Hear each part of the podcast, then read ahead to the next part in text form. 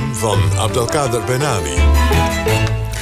Het kan u niet ontgaan zijn. Afgelopen week was het 25 jaar geleden dat Annie M. G. Schmid overleed.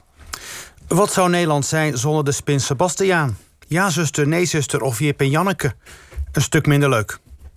Annie M. G. Schmid gaf mij inzicht in het grillige, eigenzinnige en nukkige wezen dat een Nederlander is.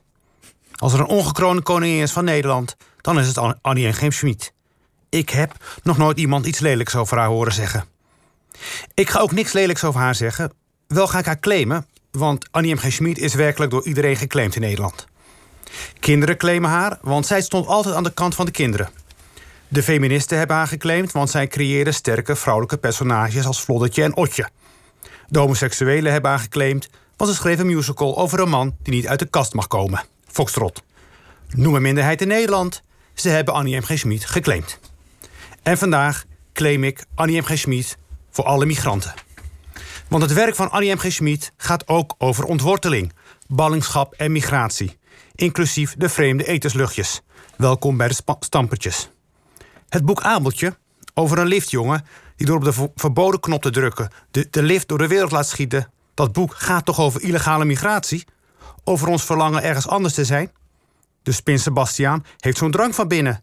Wat voor drang? De drang om van huis te gaan natuurlijk.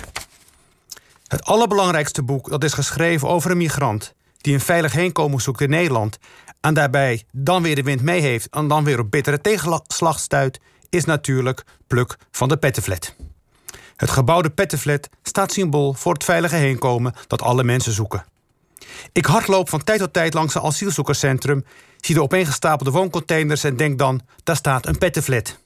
Amsterdam Zuidoost, waar zoveel Nederlanders uit Suriname in de jaren 70 onderkomen vonden, de beroemde Bijlmer, ook een pettenflat. De hoge galerijen die in de buitenwijken staan van talloze Nederlandse steden, al die Phoenix-locaties, nog meer pettenfletten, vol excentrieke bewoners die excentrieke huisdieren hebben en vergeet Zaza de kakkelak niet. En dan Pluk, onze dolende, kranige en onzekere Pluk. Een moderne vagebond die zijn weg zoekt in de wereld. Hij is de eerste migrant van Nederland. Want net als alle mensen zoekt hij een plek waar hij een waardig bestaan kan opbouwen. Het staat al in de eerste zin. Luister maar.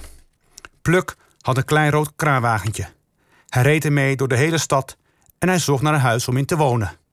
Af en toe stopte hij en dan vroeg hij aan de mensen: Weet u niet een, weet u niet een huis voor mij? Dan dachten de mensen even na en zeiden nee, want alle huizen waren al vol.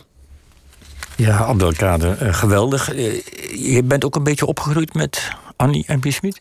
Ja, nou, ik, heb dit boek, ik heb die boeken verslonden in mijn uh, kindertijd. Ja. Nou, Dankzij de schoolbibliotheek. Ja. Die helaas is wegbezuinigd. Ja. Nou, dankjewel voor deze prachtige ode aan.